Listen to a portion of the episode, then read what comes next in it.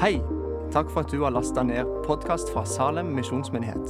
For å finne ut mer om oss, besøk vår hjemmeside salem.as.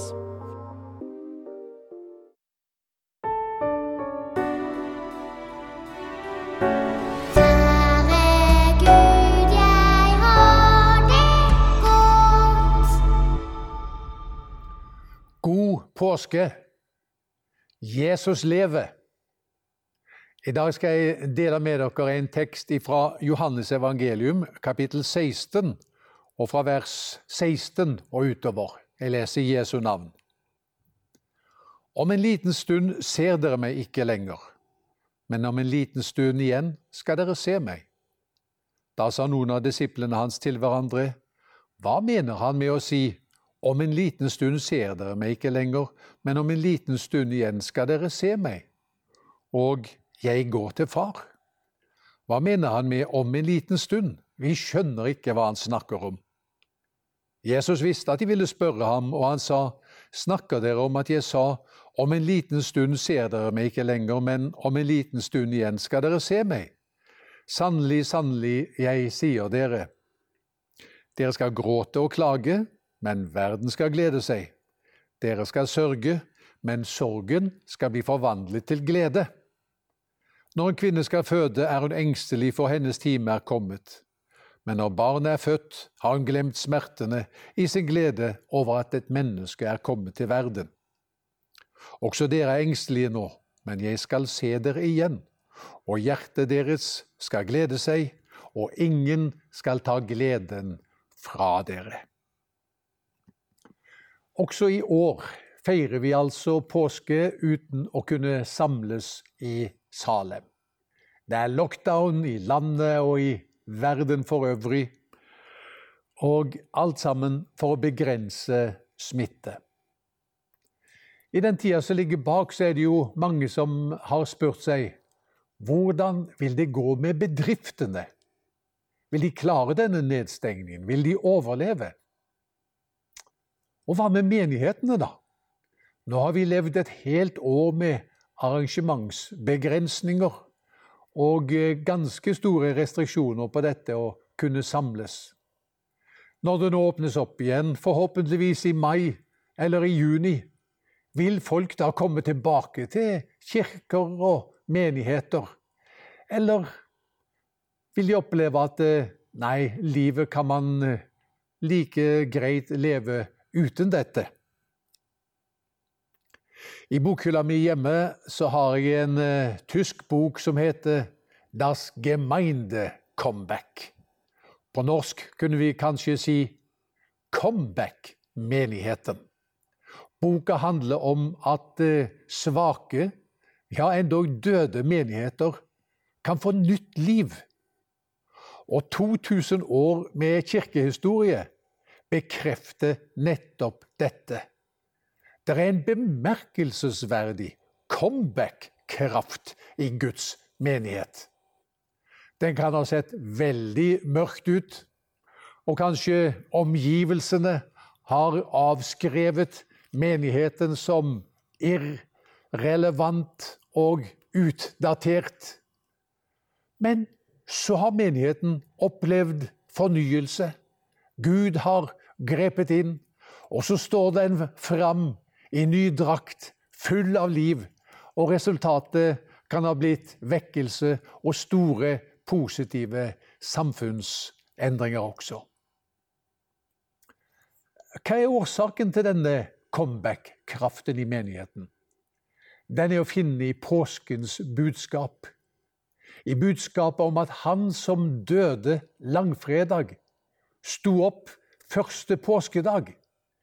Jesus har overvunnet døden, og han er jo menighetens herre. For noen år siden så var det en uh, artikkel i et uh, sekulært amerikansk tidsskrift. Og uh, denne artikkelen vakte ganske stor oppmerksomhet. Den handlet om verdenshistoriens ti største comeback.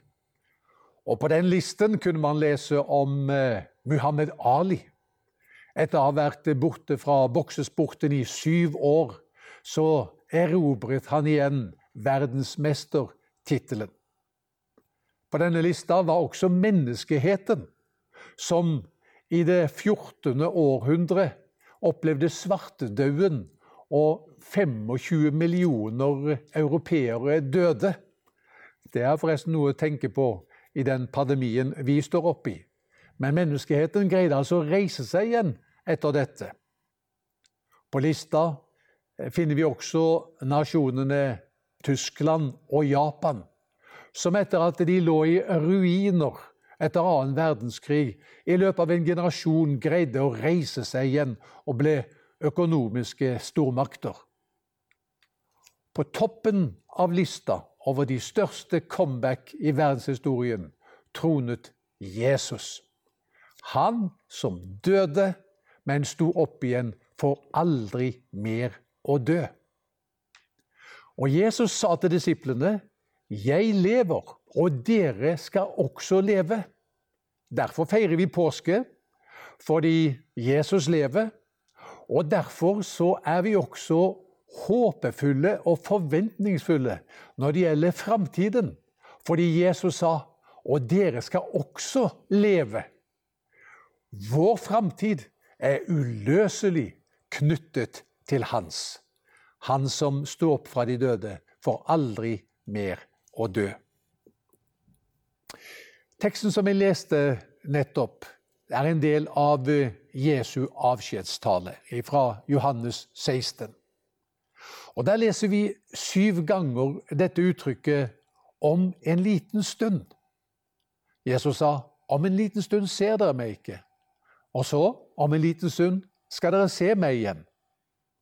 Det han refererte til når han snakket om denne lille stunda, det var dagene mellom hans død og oppstandelse.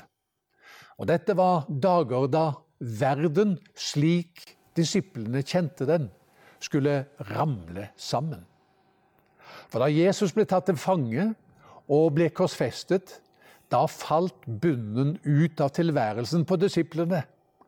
Og det fellesskapet de hadde hatt, det gikk opp i limingen. Men, og det er hovedpoenget i det der avsnittet som vi leste Da, når Jesus var tatt fra dem, og de var også spredt og atskilt fra hverandre. Da gjorde faktisk Jesus det største og viktigste verket for dem. Det var da han betalte og sonet for våre synder. Det var da han seiret over djevelen, og det var da han vant over døden. Også for oss så er det sånn at eh, det gis sånne små stunder, for å holde oss til det uttrykket, da. Der livet sånn som vi kjenner det, endrer seg veldig. Små stunder der det som var trygt og kjent og kjært, liksom er røvet fra oss. Og det kan være, når vi står midt oppi det, at eh, vi ikke ser noe mening eller eh, hensikt med det, eller forstår noe av det. Men i ettertid når vi ser tilbake på det, så kanskje vi må si til hverandre hm, det var visst da han gjorde det største og viktigste verket for oss. Livet, det kan eh, bare leves forlengs, men det må forstås baklengs, er det jo noe som heter. Så når vi da ser tilbake på dette året her, som har vært så annerledes i forhold til alt vi har opplevd hittil i livet, pandemiåret, hvordan skal vi forstå det? Kan vi eh, få noe inntrykk av eh, hva Gud ville lære oss, eller hva han ville gjøre i oss og med oss og gjennom oss i denne tida? Ja, jeg tenker det. Palmesøndag, forrige søndag, pekte på noen ting La meg nå bare peke på én ting som jeg tenker er en viktig leksjon fra eh, pandemiåret. Og det er dette at åndelig fostring skjer ikke best i kirkesaler. Det skjer best i hjem. Dette er jo en kunnskap som vi har hatt lenge.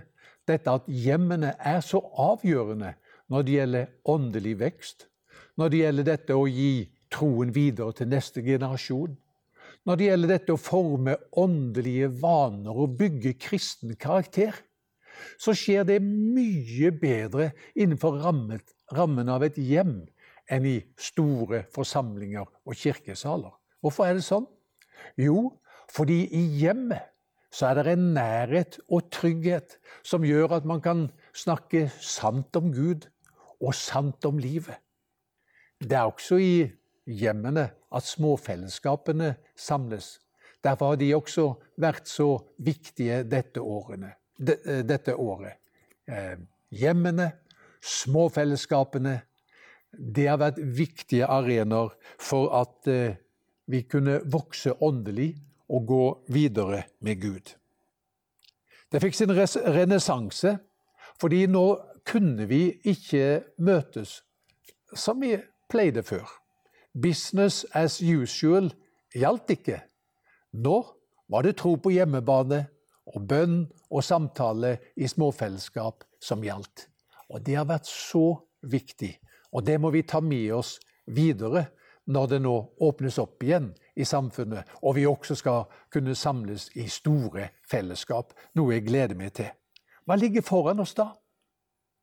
Kanskje skal vi oppleve det som disiplene opplevde da Jesus møtte dem etter oppstandelsen.